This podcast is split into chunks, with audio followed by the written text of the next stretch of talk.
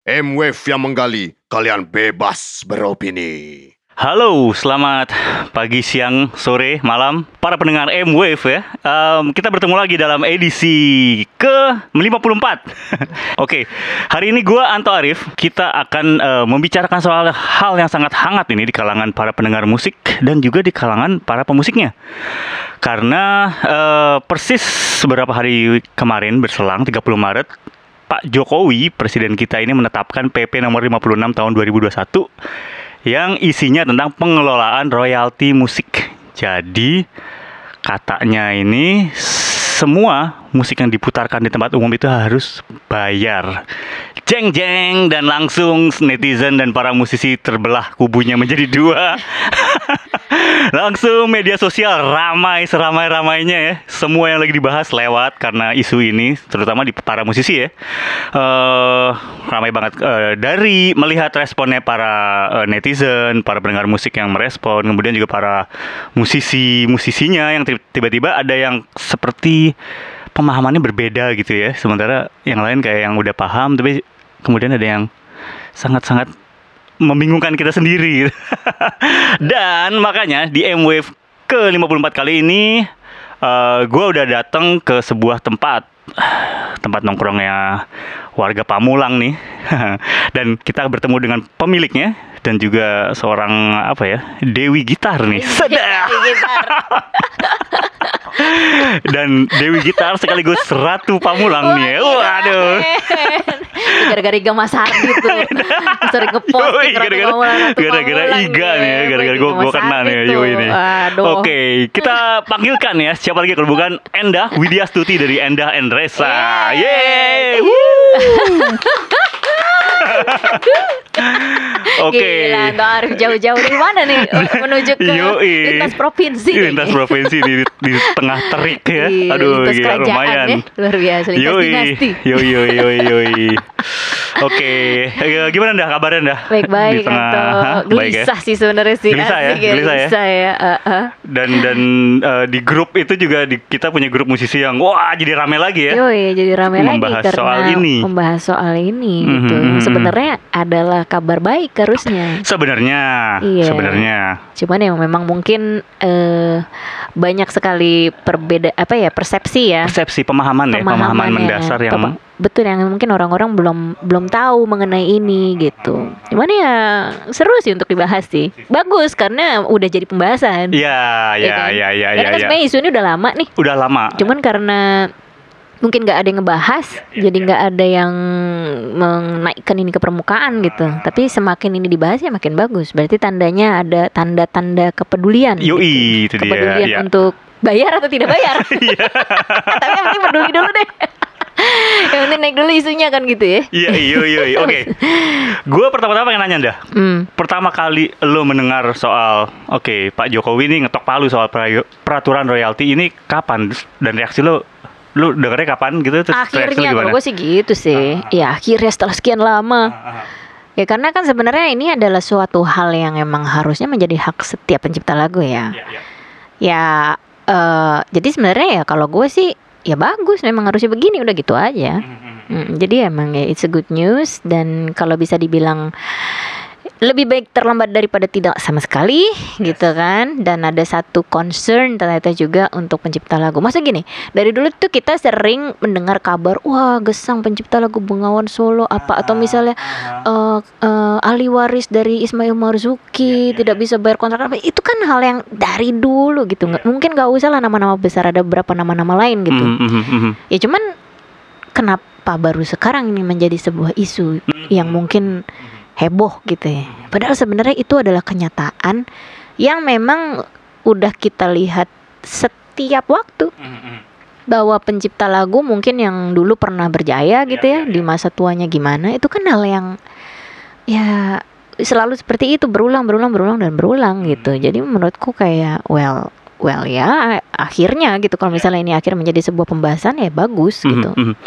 Tapi kenapa baru sekarang? Menurut lo gimana dah? Saya kayak tadi kan udah bilang sebenarnya udah lama ya dari tahun 2000. iya cuma mungkin karena ada presiden yang mengumumkan aja. Ah, ah. Ada presiden yang maksudnya ya ini kan akhirnya kembali lagi di masa sulit seperti pandemi terus presiden mengumumkan terus kemudian semua bergejolak gitu ya akhirnya membawa isu-isu politis gitu. Ya akhirnya jadi heboh dan mungkin juga dari mungkin akan berbeda kalau headline-nya mengatakan bahwa untuk menghargai para pencipta lagu Oh. maka ya kayak gitu. Wah, headline itu kan juga menggiring menggiring opini masyarakat yang malas membaca ini. Iya iya iya betul betul betul betul. Tapi itu begitu misalnya tiba-tiba headline-nya sudah sudah clickbait gitu ya. Ya akhirnya orang nggak mau baca berita, mereka menyimpulkan sendiri yang akhirnya ada yang satu keberatan, nggak tahu uh, bagaimana sebenarnya runutannya, akhirnya terjadilah sebuah komen ataupun persepsi negatif ataupun akhirnya satu reaksi yang yang negatif gitu. Iya. Padahal kalau misalnya judulnya mungkin cukup persuasif gitu ya, cukup juga tahu sebenarnya esensi atau message-nya nih poinnya di mana sih? ya akhirnya juga bisa jadi orang-orang yang malas membaca ini jadi paling oh tahu nih eh, apa namanya esensinya seperti ini gitu. Cuman kan itu kalau kalau mungkin bisa juga jadi kalau headline-nya terlalu manis atau baik juga nggak jadi berita. Iya, iya itu, iya itu dia. Ah, nggak nggak- nggak akan dibaca sama Nggak orang akan apa, dibaca nggak untuk akan menghargai menarik perhatian pencipta orang. lagu maka eh, royalti akan dibayarkan ya, orang Boring ya. Itu won't Kurang. read it. I mean, like, ya, justru dengan adanya judul-judul seperti itu orang akhirnya wah kenapa begini ya gitulah. Iya iya iya. Itu sebenarnya memang kalau kita ngomongin lebih jauh tuh ada peran media juga yang ah, sedikit banyak ya, tidak terlalu Pasti. kan dengan baik kan kemarin-kemarin tuh. sebenarnya perpanjangan komunikasi antar siapa pun itu kan melalui media. Iya, Nah, sekarang bagaimana misi atau visi media itu ketika dia menyampaikan berita ke masyarakat. Nah, itu aja sih sebenarnya. Oke, oke. Eh, lo sendiri sebagai musisi dan pemilik tempat ya, pemilik tempat Mm-hmm. kafe ini, lo seberapa melek sih lo sama royalti dan kan lo udah berapa tahun berkecimpung dengan Ya, Eh, kalau sama. Indonesia mungkin 2015, tapi concern gue sebenarnya udah dari dulu dari gue lulus SMA karena dua kakak gue sarjana hukum. Oke, Eh, terus kemudian banyak bacaan buku-buku mengenai eh, hak cipta di rumah meskipun dua-duanya eh, rata-rata hukum pidana ya lupa deh apa ada satu yang perdata gue lupa pokoknya masing-masing inilah ya selalu me- sh- men-share kita tuh di rumah dari dulu punya kebiasaan untuk men-sharing apa yang didapat di kampus atau misalnya ada gitu. iya jadi kayak buku-buku kadang-kadang buku abang gue atau kakak gue yang perempuan juga suka gue baca lo rajin banget ya baca-baca buku Ya kuliah. karena dulu kagak ada internet. Mungkin kalau sekarang Iya, ya. YouTubean kali. Oke, Dulu mau apa lagi hiburannya? Gak ada apa-apa, Pak. Iya. Iya iya terus terus iya iya. ya udah akhirnya ya baca-baca begitulah. Ah. Akhirnya sebenarnya ada satu buku yang gue baca terbitan UI ya. em, akademisi Hendra Tanu Atmaja ya itu bercerita tentang hak cipta eh, musik Mhm. tebal banget dan itu pada saat itu gue baca tahun 2003 habis gue lulus SMA dari situlah gue merasa ada concern terhadap sistem. Meskipun pada saat itu gue belum ngerti-ngerti banget. Lo udah main musik tapi pada saat itu? udah udah, main hmm, musik. Gue hmm. mungkin udah main musik sejak lama udah bikin lagu mulai-mulai bikin lagu di tahun-tahun segitu gitu. Di situlah concern dari misalnya melindungi hak cipta sendiri kayak gimana sih? Iya, sistemnya oh dari ngerekam di kaset tulis liriknya kirim sendiri ke rumah dicap pos jangan dibuka kalau ada sengketa atau ada klaim baru nanti dibuka di pengadilan kayak gitu-gitu tuh gue udah tahu dari dulu. Hmm. yang yang very basic ya. Eh, jadi kayak ya itu adalah upaya karena gue ngerasa gue pencipta lagu gimana caranya untuk melindungi hasil karya cipta gue sebenarnya lebih ke situ aja gitu Hmm, hmm. awalnya Mhm, mhm. Oke, secara simpel ini mungkin banyak yang belum tahu ya. eh, royalti itu apa aja sih eh, yang paling paling dasar, dasar kali ya? ha-ha. Oke, gue juga sebenarnya nggak paham-paham banget, tapi coba gue lihat dari sisi gue ya, sebagai misalnya pencipta lagu nih, gue menciptakan lagu itu eh, berarti dia kalau misalnya lagu itu direkam dan digandakan itu akan jadi eh, semacam ada mechanical rights Mhm. gitu ya, jadi ada hak untuk menggandakan. Nah, jadi setiap penjualan dari keping misalnya itu ya, keping CD mungkin kalau dulu atau misalnya apa, nah itu kita dapat dari situ sebagai pencipta lagu. Terus kemudian misalnya kalau lagu itu dibawakan Mhm. di panggung sama musisi lain, itu juga kita dapat sebagai pencipta lagu. Kalau misalnya lagu itu diputar di misalnya di cafe atau misalnya jadi musik di eh, lounge atau misalnya apa nah itu juga kita dapat harusnya sebagai pencipta lagu. Kalau misalnya lagu itu jadi back sound misalnya di iklan atau misalnya jadi soundtrack kan soundtrack tuh ada adegan tuh scene gitu. Iya, misalnya iya. scene-nya lagi pacaran terus ada lagu when you last gitu kan. Nah itu pencipta lagu juga iya. dapet tuh Ah, ah, gitu. Nah jadi ya right right itu. Terus misalnya ada lagi kalau misalnya royalti yang sifatnya printed ya kayak misalnya lirik lagu dikeluarkanlah buku lagu Endah Hendresa beserta kunci chord charts partitur yang mungkin ada tablaturnya ada itu juga kita dapat sebagai pencipta lagu. Banyak sebenarnya. Ba- banyak ya, oke. harusnya bisa kaya raya gue ya. harusnya bisa kaya raya ya. Tapi bisa beli pulau ini harusnya dari dari semua itu paling paling umum dan atau yang eh, Endah dan Resa itu sudah merasakan yang mana? yang paling bisa kita lindungi untuk saat ini maksudnya secara independen Iya, adalah master rekaman. Master rekaman. Hmm. karena master rekaman kalau secara independen kita produksi sendiri kita uh, bisa master license. Jadi pembagian itu udah jelas dengan siapa label mana kita bekerja kita sudah bisa mengontrol tuh masternya kita dapat berapa. Atau misalnya sesimpel kita produksi sendiri masukin ke agregator misalnya masuk ke CD Baby gitu ya. Duit yang ada di CD Baby itu adalah duit royalti master rekaman. Hmm.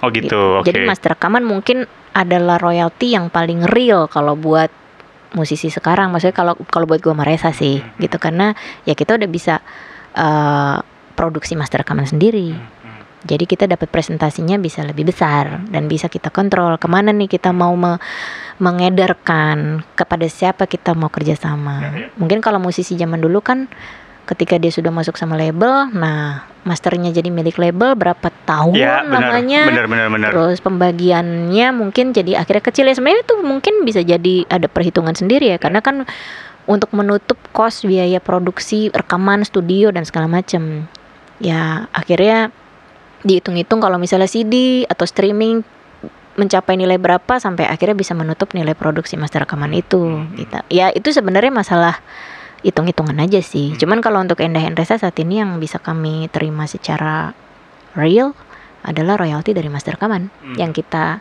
edarkan langsung lewat agregator untuk digital Aha. gitu Yang mana itu adalah mechanic ra- rights Eh, masuknya itu atau masuknya iya mechanical Iya, rights, mm, guess, mechanical iya. rights. sama misalnya kita kerjasama dengan the majors yang memang dia selalu memberikan laporan terhadap misalnya ini berapa CD keping CD yang terjual berarti dapatnya berapa royaltinya dan itu kita save gitu dengan Hmm, mereka hmm, hmm, hmm. gitu sih Kalau untuk synchronization rights dan performing rights itu sejauh ini sudah pernah Iya. ada senggolan-senggolan Eh, ke Endah sejauh kalau eh, jadi gini kalau misalnya royalti itu kan sebenarnya kalau misalnya izin penggunaan mungkin sudah bisa dihandle. Ya. Misalnya contohnya nih, kalau misalnya ada film Hmm. di mana itu ada lagunya Endah Resa, kemudian kita memberikan izin lagu itu dipakai, Ya. akan ada sejumlah uang yang kita terima, ya. Ya. Oke, dah. Tapi sebenarnya ada lagi ketika film itu disiarkan, Iya, betul. berapa lama penontonnya berapa Ya, ya, ya, segala macam. Ya. Itu sebenarnya harusnya kita dapat lagi secara penulis lagu. Hmm, hmm, hmm. Si penulis lagunya ya, kita Oke. ngomong penulis lagu. Ya. Itu sebenarnya dapat lagi karena lagu itu udah disiarkan dengan penonton berapa tuh Ah, ah, ah. gitu. Ya, ya, ya, ya. Kecuali misalnya emang ada perjanjian yang terpisah ya misalnya kayak udah deh kita akan terserah lo nontonnya sampai berapa lama pas segala macam udah terserah kita udah nggak mau Semacam ini beli lagi putus, semacam beli, beli putus iya, tanda kutip semacam gitu beli ya. putus, nah. Ah, ah. Cuma kalau misalnya memang idealnya adalah memberikan izin lagu itu dipakai plus nanti kemudian dibayarkanlah eh, ibaratnya ya setelah ber- tersiar berapa lama penontonnya berapa achieve berapa nah kemudian dari situ ada hitung-hitungan lagu itu dibayarkanlah ke nah ini yang akan yang jadi polemik itu adalah si LMK itu kan tadi yang Hmm. jadi perbincangan Hmm. apa itu LMK adalah nah LMK itu adalah yang mengkolek royalti dari apa yang sudah tersiarkan ke publik ini gitu. Nah ini yang berjalan terus. Misalnya ada film A gitu dia berjalan terus kan selama setahun dua tahun tiga tahun empat tahun di bioskop Ya. ataupun di TV segala macam itu LMK yang akan melihat. Hmm. oh ini tayang terus nih. Berarti si pencipta lagunya dapat terus. Dicatatlah berapa kali tayang di TV misalnya em, lagu Bimbo berapa kali tayang di acara Ramadan Iya, misalkan iya, ya. benar, benar. oh dalam Ramadan ini setiap hari ditayangkan eh, berapa misalnya sebelum maghrib 30 hari eh, selalu ditayangkan nih di TV A gitu. Berarti si TV A membayarkan itu ke pencipta lagu ke LMK gitu. Iya, iya, iya. Daftar lagu-lagu apa aja yang diputar dibayar ke LMK, LMK menyampaikannya ke publisher atau ke pencipta lagu. Gitu. Mhm, Oke, kan eh, lu sangat melek soal royalti dari lama ya. Tapi lu eh, sering nggak lo dengerin lagu lo diputar di tempat umum dan Oh sering terus banget. sering banget dengan ada lo di situ kan lo ada, di situ ada terus situ. Kadang ada gua gara-gara terus ada gua ngambil- diputer. ngambil kalkulator gitu nggak? oh iya ya terus kayak gitu ya. iya, cuman gua ya kalau gua sih menyadari bahwa harusnya ada hak gua di situ gitu Iya. ya sebagai pencipta lagu. Cuman so far karena gua menyadari gua tidak tergabung di publisher dan di LMK untuk saat ini, akhirnya gua ya ya udah memang it's my loss Iya iya. Dan gua nggak apa-apa untuk saat ini gitu karena memang untuk saat ini gue mungkin melihat itu sebagai satu hal yang gue lihat-lihat dulu deh sistemnya berjalannya seperti apa Mhm. gitu nyatanya PP keluar sekarang aja orang heboh Iya betul. gitu kan jadi betul. memang berarti kan ada sesuatu yang entah berjalan atau tidak berjalan ada beres atau tidak beres atau ada yang ada yang em, apa namanya ada yang sadar atau tidak Ya, sadar ini ya, ya. sebenarnya harus dibenahi gitu Mhm, mhm. Oke. Itu sih. Berarti lo sendiri tadi bercerita kalau lo belum bergabung sama LMK Iya. M itu ya. Iya. Eh, yang mana apa singkatannya dari Eh, lembaga manajemen kolektif Ah, ah. Jadi eh, pencipta lagu itu biasanya terikat bukan terikat ya. Lebih baik sebenarnya memang mendaftarkan dirinya adalah sebagai pencipta lagu apa-apa aja itu ke LMK. Mungkin dia tidak tergabung di publisher pun nggak apa-apa. Hmm. Karena yang paling penting itu tadi, begitu LMK tahu bahwa lagu Enda Henresa diputar di segala segala macam, mereka tahu akan menyalurkan dananya ke mana. Itulah tugasnya si LMK ini Iya, iya. gitu. Tapi kalau misalnya tidak terdaftar, ya LMK kan nggak bisa menyalurkannya Mhm, mhm. ya orang nggak daftar kok ibaratnya kayak gitu Iya betul betul. ya betul. jadi sebenarnya eh, kalau publisher itu sebenarnya adalah manajer lagu lah ibaratnya manajer lagu atau mungkin misalnya manajer penulis lagu eh, jadi yang memasarkan atau yang dia menjadi penerima kuasa dari pencipta lagu untuk mengurus lagu-lagunya Yes. itu berbeda dengan LMK publishing is something different dengan LMK Mhm, mhm, kalau misalnya publishing lebih ke manage lagu mhm. menjualkan, memasarkan, kemudian dia bisa menerima pesanan, eh ada butuh lagu gini-gini nih, bisa nggak bikinin itu bisa dari Mhm, publisher. mhm. LMK adalah ketika lagu itu sudah disiarkan, Oke diambil oke.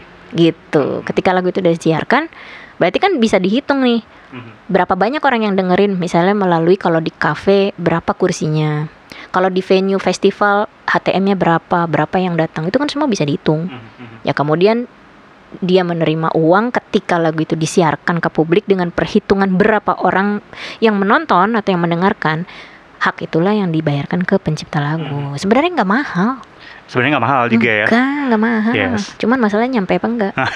enggak sih maksud gua kayak masalahnya adalah Iya. iya. keinginan em, apa ya istilahnya keinginan orang ingin membayar dan keinginan untuk mempermudah sistemnya supaya akhirnya si pemilik venue atau penyelenggara acara apa segala macam tuh mudah ngurus sebenarnya gitu doang Mhm. Oke, berarti jadi sebenarnya pihak-pihak yang terkait itu adalah selain musisinya sendiri, LMK. ya. Ke- hanya dua dua pihak itu atau ada lagi yang kalau kita bicara soal performing rights itu yang terlibat?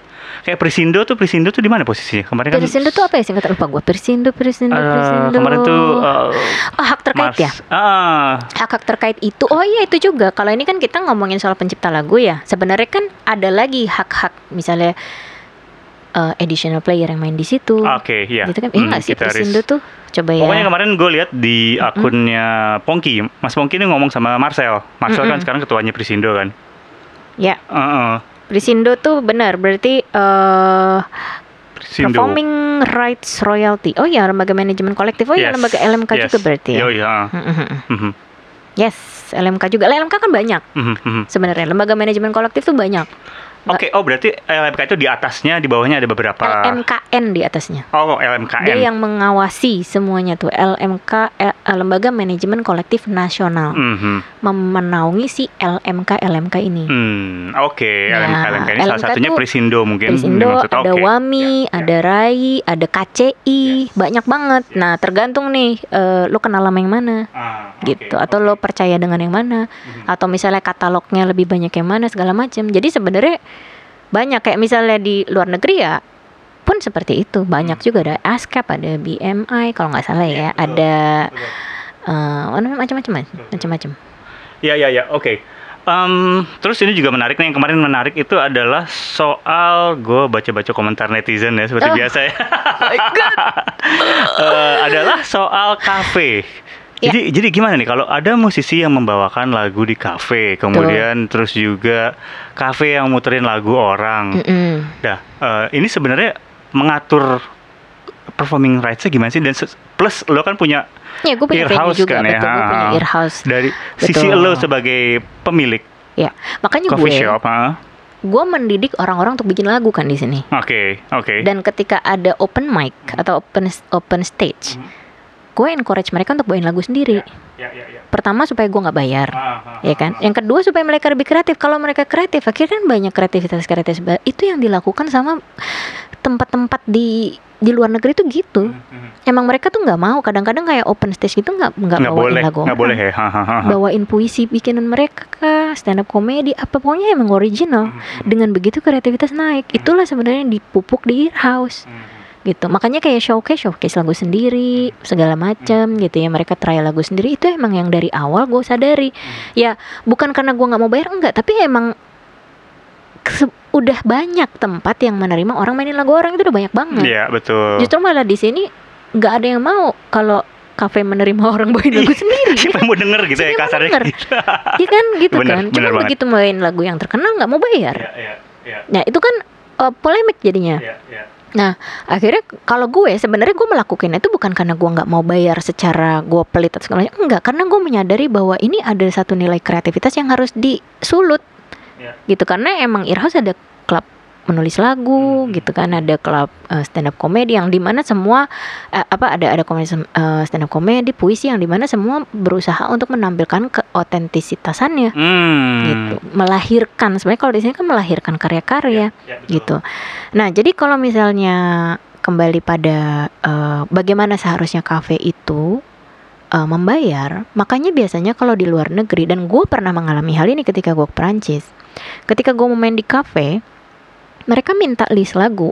Hmm. list lagunya apa aja Hmm, hmm. gitu. Misalnya oke gue keluar dengan 10 lagu atau 15 lagu. Mereka kan ngurusin itu. Lagu orang maksudnya lagu ya orang. kalau kita cover lagu gitu orang. ya. kalau misalnya kita lagu sendiri karena kita nggak terbayar di publishing kan mereka kayak oh ya udah ya ya nggak apa-apa kalau lo bawain lagu sendiri berarti no problem at all. Tapi kalau misalnya lo bawain lagu orang kasih listnya ke kita kita urus. Mhm. karena kalau nggak bisa kena eh, legal Ya. segala macam masalah hukum di sana. Ya. ya udah. Jadi kalau misalnya kita bawain lagu-lagu yang sesuai dengan list-list yang kita bawain kita be- bebas aman Hmm. tapi ya itu risikonya kita nggak bisa menerima request gitu karena kalau misalnya kita udah menerima request either misalnya nanti ada tips yang datang dan itu akan uh, ya ibaratnya akhirnya jadi semacam moral uh, responsibility gitu ya Hmm. akan dibagi ke pencipta lagu atau gimana mungkin nanti dicatat sama si pemilik kafenya kok lagu yang di request apa Hmm. cuman itu menjadi satu uh, menurut gue itu ada bagusnya karena yang datang jadi menghargai gitu loh ya kita, Ya, kita udah latihan betul, ya kita betul. maksudnya kita latihan um, latihan apa namanya playlist serius aransemennya asik segala macam ya orang datang dengerin gitu jadi itu semua udah jadi habit di sana Hmm. sebenarnya gitu untuk kayak eh apa namanya kafe mengurus itu dan orang udah ngebawain lagu-lagu yang sesuai dengan apa yang udah didaftarin Iya, iya betul betul. Oke, eh, mungkin bisa diinfo dikit ya buat pendengar M Vibe bahwa di Earhouse itu ada apa aja tadi? Eh, Oh, iya. Songwriting club. songwriting club, stand up comedy, Stand up comedy. terus ada eh, Open mic. open stage, Open bener. stage, Jadi eh, kalau misalnya ada apa namanya yang punya satu lagu sendiri pengen di eh, nyanyiin bisa, atau misalnya ada eh, materi komedi, Hmm. misalnya mau baca puisi itu bisa. Terus ada showcase, jadi misalnya hari Kamis tuh ada namanya Thursday Night Live. Jadi kalau ada yang band yang mau showcase bawain lagu sendiri, baru keluar album, terus segala macam mau promo bisa Hmm, hmm. Jumat ada Earhouse Guitar Club. Hmm. Jadi ada komunitas gitar juga di sini. Jadi kalau kita sih sebenarnya lebih ke aktivitas yang eh, me- melahirkan karya baru sih sebenarnya lebih ke situ. yang mengencourage untuk Betul, itu ya, benar, Ah, bukan benar. sekedar bawain lagu orang. Yes. Yes, yes. Oke, berarti kalau sebenarnya untuk anggapan bahwa mungkin si performing rights ini mem- mematikan rezeki anak band yang biasa membawakan lagu-lagu orang pas wedding, pas itu salah sih cafe. menurut gue salah persepsi. Salah ya? Salah. Karena bukan kewajiban anak bandnya, tapi, Tapi- kewajiban kafenya. Oke. Gitu. Dan semua itu sebenarnya bisa dihitung kan. Mhm. Berapa kursi? Ya. Apakah ada HTM atau tidak kalau yes. orang masuk ke Yes, situ. Jadi sebenarnya dilihat dari luasnya juga gitu. Itu bisa dihitung dan eh, nanti di list lagu-lagu apa aja yang biasa dimainkan sama bandnya gitu kalau lagu-lagu apa mereka akhirnya nanti bisa me- membayarkan sesuai dengan list lagu yang biasa si band ini mainkan kemudian dibayarkan ke LMK sebenarnya semudah itu Mhm. cuman mungkin di sini eh, tidak tersosialisasi dengan baik kemudian platformnya tidak ada yang mudah gitu ya misalnya kayak eh gue mau si kalau lagu ini ini ini ini ini ini, ini gue mau bayar berapa ke mana sampai nggak ke musisinya apa segala macam Ah, ah, Oke. kayak gitu gitunya sih sebenarnya Mhm, menurut mhm. gue Mhm. Nah, berarti ada hal yang ada ya hal-hal yang lo takutkan dengan ada nggak sih hal? gue cuman takut itu nggak sampai ke musisinya udah dong Hmm. itu doang sih gue Hmm. bayar cuman dan itu sebenarnya kan kekhawatiran semua orang Mhm, mhm, oke gue udah bayar nih musisinya tapi beneran dapet nggak mhm, mhm. udah itu ya kalau misalnya ternyata musisinya dapet ya seneng lah Oke. kita ngedukung penyanyi atau pencipta pencipta ya sorry ini ngomongin pencipta Ah. kita mendukung pencipta lagu favorit kita kok masa kita nggak mau bayar Mhm, mhm. Nah itu sih sebenarnya Oke, kalau gitu dari sisi eh, lu dengan teman-teman musisi sudah terfikirkan kira-kira harus berbuat apa ya untuk untuk ha- agar hal itu tidak terjadi gitu A- atau supaya si royalti ini benar-benar sampai ke tangan Wah, aduh, gue nggak tahu jujur aja sih. belum ya? Iya, kalau gue sih sebenarnya sesimpel kesadaran ini muncul aja sih dulu, Mhm, mhm. gitu. Masalah bahwa si pencipta lagu kita nggak ngomongin musisi yang membawakan, kita mengomongin pencipta lagu karena nggak semua pencipta lagu itu membawakan lagunya sendiri kan. Betul. Mereka bisa jadi orang yang memang tidak bisa be- bernyanyi atau misalnya nggak bisa perform dan mereka harus stay di rumah untuk menghidupi keluarganya Ya. dan membutuhkan uang itu gitu. Mhm. Ya, itu sampai Mhm. gitu dan itu sampai ke ahli warisnya terus-terusan Iya, iya. ya sebenarnya sih itu sih yang yang sebenarnya dari dulu isu dari kekayaan intelektual kan sebenarnya itu Mhm, mhm. bagaimana masyarakat ataupun negara ini menghargai nilai dari intelektualitas atau hasil buah kecerdasan atau hasil buah eh, kecendekiawan ya buah Mhm. pemikiran nah itu Iya, dulu iya, iya.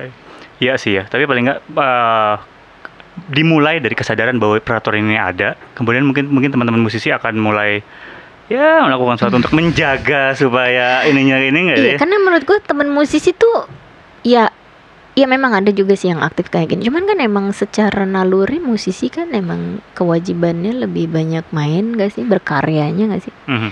Jadi sebenarnya memang harusnya ada pihak-pihak Pihak, yang oke. mereka uh, in, berin, ber, ter- Apa ya? kredibel Ah. gitu ya, berkredibilitas untuk bisa menjalankan sistem ini. Iya, pihak-pihak yang emang seharusnya menjalankan kewajiban mereka di bidangnya Di mereka. bidangnya, Ha, ha. gitu. Iya, iya, iya. Ya kalau musisi mah ya bikin lagu, main, latihan.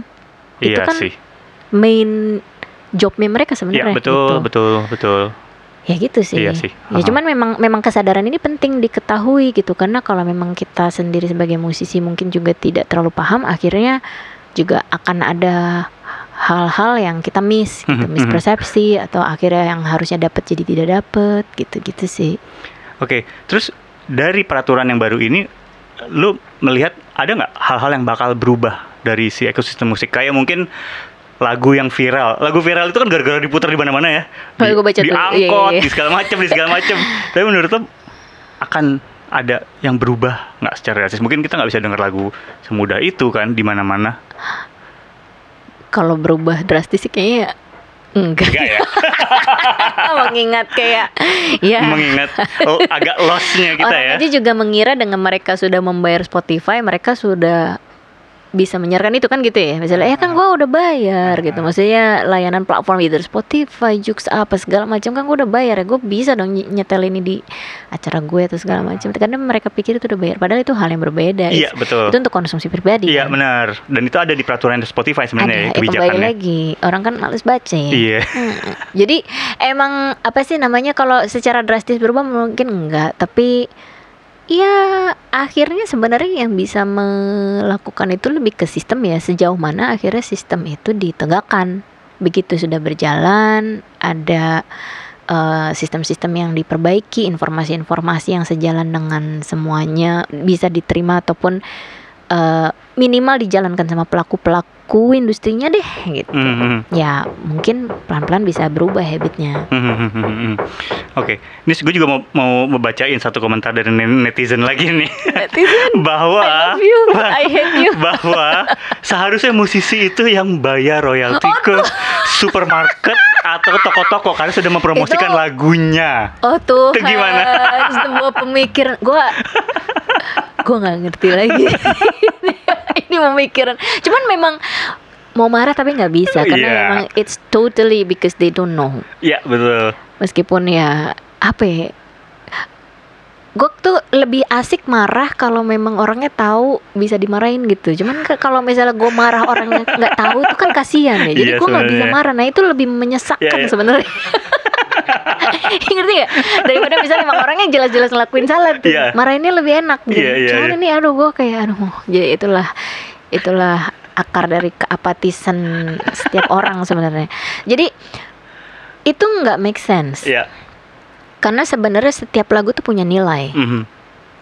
Kayak ada yang bilang gini, Mbak, bukannya mendingan dibawain ya. Jadi kalau misalnya emang lagunya jadi terkenal, jadi sama-sama untung. Tergantung. Iya, Akhirnya iya. gue bilang, makanya itu tergantung. It depends dari nilai karyanya. Makanya sebenarnya dari publishing pun, karya yang terkenal. Misalnya gue punya lagu nih, When You Love Someone aja harganya bisa beda sama lagu gue yang judulnya It's Gone gitu. Orang nggak ada yang tahu judulnya It's Gone. Ketika misalnya dia mau pakai When You Love Someone, of course harganya akan lebih tinggi dari It's Gone. Karena apa? Keterlibatan publik ketika mendengarkan lagu itu secara emosional, secara memori lebih attach daripada lagu yang mungkin bagus tapi mereka tidak kenal sama sekali. Itu kan ada nilai akhirnya di situ gitu.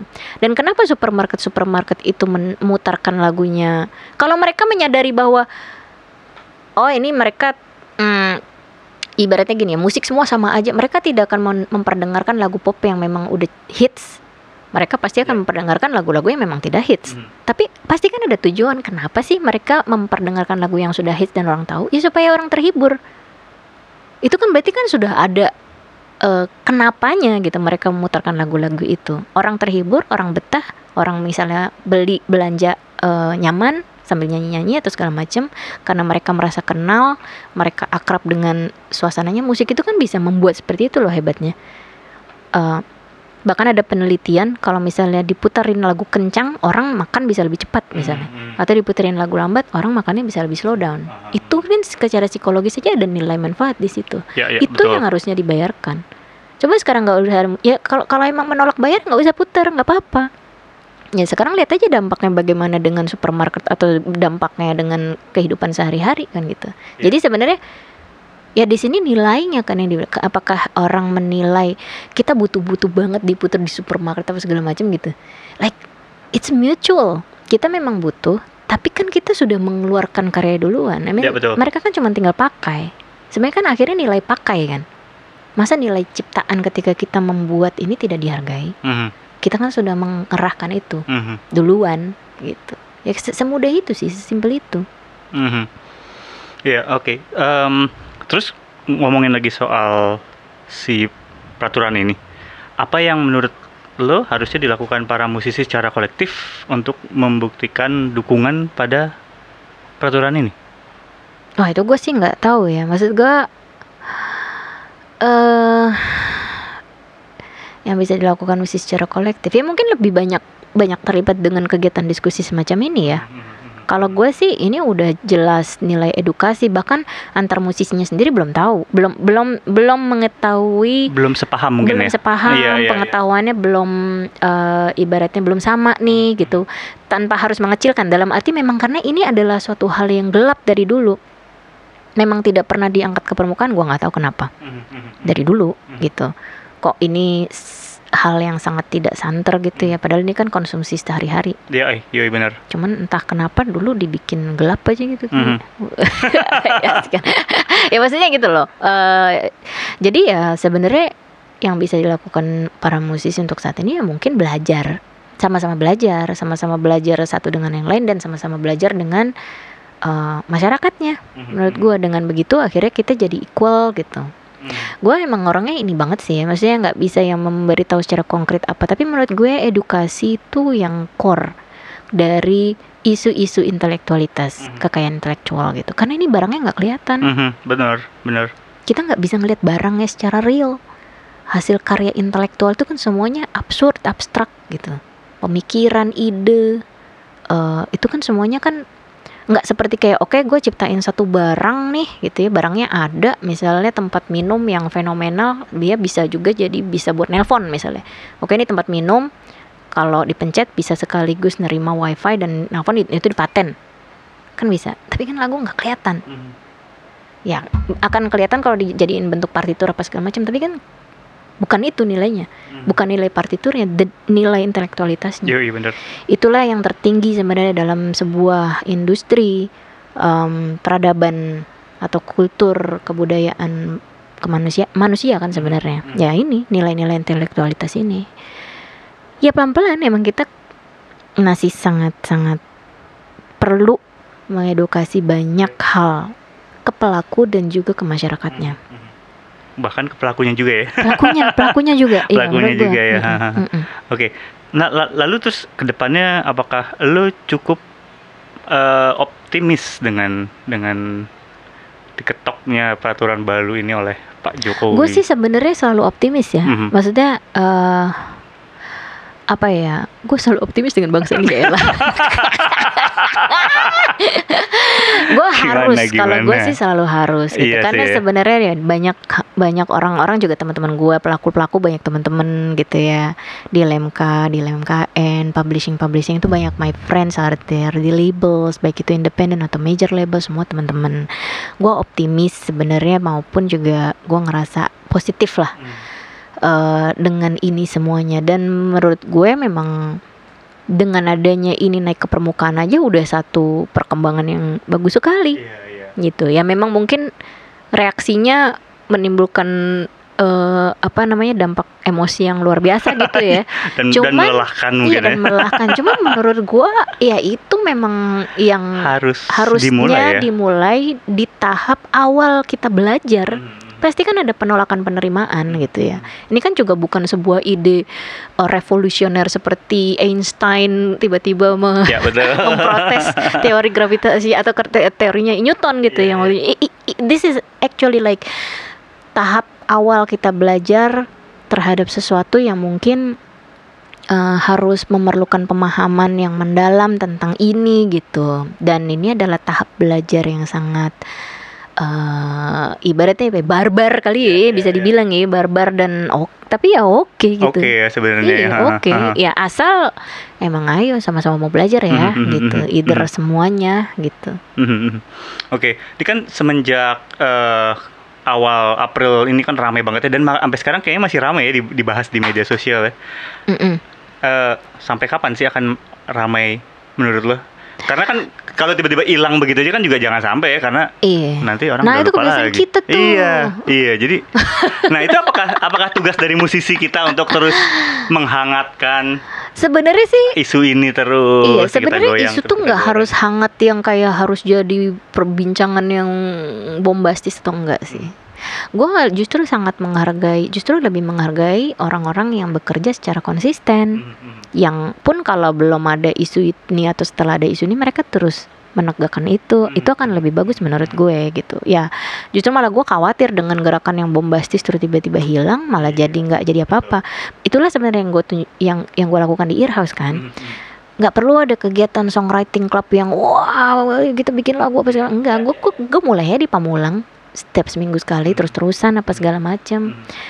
lebih baik seperti itu gitu Hmm. lebih baik mengeducate uh, your inner circle Hmm. first gitu kan tapi terus-terusan dilakukan pelan-pelan sehingga mereka menyadari gitu atau misalnya sesimpel sesimpel mulai dari lingkungan yang paling kecil tapi itu dilakukan terus-terusan ya itu kan lebih baik menurut gue sih Mhm, mhm. Ya, ya, ya, ya. Dan menurut lo ada bumerangnya nggak sih si peraturan ini? A- a- a- a- atau perubahan drastis yang jel kurang baik gitu kayak mungkin nggak bisa dangdutan di teman di mana gitu? Ah, menurut gue sih iya ya kalau kalau gue sih kayaknya kebiasaan-kebiasaan itu nggak akan hilang sih. Nggak- tidak mereka akan biasa melanggar. Ngawasinnya juga susah. Ngawasin juga susah gitu ya kan. Tambeng gitu ya. Yang bisa dilakukan adalah menurut gua mempermudah sistemnya ah misalnya iya, sistem ini ingin menggunakan sistemnya dipermudah Iya. dibikin online daftar lagu lo apa aja sih Benar, sebenarnya benar, yang bisa benar. ini? Pencipta lagunya terdaftar di mana? Tinggal diklik lo akan bayar langsung misalnya. Dibikin semudah itu karena kalau misalnya mau dilarang-larang ya mau di akan susah. Mhm, jadi menurut gua ya ya seperti kejadian kominfo ngeban situs-situs lah. Ya itu kan nggak menjawab kan sebenarnya. Cuman sebenarnya apa sih yang yang perlu di, di dilakukan adalah ya gua nggak tahu itu menjawab apa enggak ya guys. Cuma maksud gua adalah yang paling penting ketika kita punya masalah ada solusi. Hmm. gitu. Solusinya apa sih? Oh solusinya yang memudahkan masyarakat untuk bisa misalnya menggunakan untuk bisa membayar transparasi oh orang eh, yakin nih duit yang dibayarkan itu tidak dikorup. Dibayarkan langsung ke musisi. Itu kan ketakutan kan sebenarnya. Ketakutan ketakutan orang gitu loh untuk nge- ngebayarin dan ternyata oh itu nggak masuk ke ke ke musisinya. Itu kan terjadi pada pajak-pajak negara atau misalnya apa. Ini jadi apa sih sebenarnya? Nah kayak gitu. Itu kan semua itu masalah trust issue di negara ini itulah yang akhirnya juga mungkin menghambat orang-orang yang ingin memperbaiki misalnya. Hmm. cuman ya itu harus dibangun. Gimana caranya? Ya I don't know either. Mhm. ya kita cari bareng-bareng gitu. Tapi menurut gue dimulai dengan adanya portal atau misalnya ada sistem yang begitu bisa diakses begitu mudah untuk diakses by your smartphone Mhm, or mhm. any kind gitu ya untuk perizinan atau misalnya untuk membayar. Eh, semudah itu sih sebenarnya menurut gue ya itu harus di di apa namanya harus dibuka kemungkinan-kemungkinan itu. Karena gue yakin kalau misalnya transparansinya jelas misalnya eh, uang memang akan diterima oleh pencipta lagu terus kemudian mudah gitu ya untuk membayarkan via eh, pembayaran apa pun atau bank mana pun atau segala macam. Terus kemudian list-list lagu dan pencipta lagunya tuh jelas ke mana siapa yang menaungi dan apa segala macam. Gue rasa orang akan willing to pay. Mhm, mhm. gue tuh yakin Ya, banget kok ya, ya, ya. sebenarnya. Oke. Sebuah pernyataan yang sangat optimis ya dari Optimis. Anda ini. Gua Mengharukan ha- sekali. ini harus optimis sih menurut gue meskipun Iya, nggak iya, tahu iya. kewujudnya kapan ya Ah. aduh gila karena karena gue kayak gini-gini kayak dari 2003 gue tahu akhirnya berapa tahun kemudian ini dari 2003 2021 hampir. Hampir 18 tahun ya 18 tahun kira-kira ya. Aduh ya tapi kan ada perkembangan meskipun sedikit. Iya iya itu yang bikin gue tetap hidup sebenarnya tuh kalau udah beres-beres banget mungkin juga bosan nanti. Iya sih ya kalau lurus aja gitu Lurus ya aja ya. bosen makanya ada yang bilang Indonesia tuh kayak laboratorium untuk berbagai Ah, hal karena sebenarnya iya. masih banyak hal yang belum beres di sini. Iya, iya, tapi iya. itulah justru gue ngerasa maybe this is the purpose why I live here. Aha, aha, kita aha. punya purpose di setiap perjalanan kita. Asik tiba-tiba Asik, dalam. Ini tiba-tiba podcast apa ini? oh, sangat- musik soal hidup menjadi sangat Gitu spiritual. oke. Iya. oke. Eh, ini pertanyaan terakhir dari gua. Kira-kira lo ada himbauan nggak buat pendengar musik lo atau buat netizen nih Oh, Jan. buat, buat netizen. Buat netizen juga bisa keluarin aja. Himbauan tuh apa ya? Eh ini udah ada internet ya gitu. Jadi kalau misalnya kalian menerima satu pemberitaan yang kalian pikir kayak yang buat kalian misalnya ini nggak masuk akal nih gitu. Kalian kayaknya harus bisa manfaatin fasilitas ini lebih baik gitu. Cari banyak artikel banyak jurnal tinggal keywordnya di search gitu. Misalnya apa pa- masalahnya publisher oke. Cari publisher ketik kan semua muncul. Misalnya apa eh, em, collecting society in the world atau misalnya publishing rights atau performing rights musisi kafe bayar. Itu tinggal cari. Cari aja ya. Dan so many sources about it iya, gitu. iya. dan menurut gua eh, pesan gua adalah himbauan gua adalah kita hidup di era yang sebenarnya sangat terbuka untuk informasi, mengakses informasi. Nggak seperti tahun-tahun dulu yang kita harus ke perpustakaan, harus cari-cari jurnal akademis segala macam yang itu mungkin hanya available di perpustakaan universitas-universitas atau atau perpustakaan nasional segala macam. Sekarang tuh bisa accessible gitu loh informasi dan menurut gue um, di sinilah intelektualitas itu Asik. berbicara Iya. gitu. kita ngomongin hak kekayaan intelektual bener. dan kalian juga harus uh, mencoba untuk intelektual dalam menanggapi semua isu yang berkaitan dengan ini. Itu aja sih Hmm. sebenarnya. Nice, nice. itu se- seberapa emosi yang coba ditahan itu barusan? Ini gue tidak berkata kasar aja sudah cukup baik di sini. cuman cuman kalau menurut gue memang ini masalah yang tidak bisa diselesaikan dengan panas ya, maksudnya Iya. dengan hati atau kepala yang panas gitu. Ah. Karena memang isu em, terhadap ini memang tidak mudah. Jadi memang harus sama-sama belajar. Gue juga menyadari nggak semua pengetahuan soal ini juga gue eh, tahu gitu, atau gue paham. Jadi emang sama-sama belajar aja. But gue selalu ingat kata nyokap gue, dikutip dari film Bambi. Asik. Film Film kartun. film kartun ya If you can't say something nice, don't say nothing at all. Kalau lo nggak bisa ngomong atau nggak bisa berkata baik, mendingan lo nggak usah ngomong apa-apa. Nah itu prinsip gue, gitu. yang mana itu susah ya buat era media sosial seperti Itu sekarang susah. kayaknya Iya, semakin oke. jelek semakin banyak yang like. Iya. Oke deh. Waduh, ini menarik sekali ya. Gokil, Ah, gokil. Seru, seru, seru, seru. seru, pembicaraan seru. Terima kasih banyak nih Enda untuk Sama-sama, thank waktu you. dan tempatnya udah izinin kami tim M Wave buat mampir ke sini. Sukses terus buat Earhouse. Semoga Amin. bisa berjalan seperti kembali lagi ya semua Yes. semua acaranya. Semoga, amin Ah. mudah-mudahan. Gue baru pindah ke Tangsel tiba-tiba berhenti semuanya ya.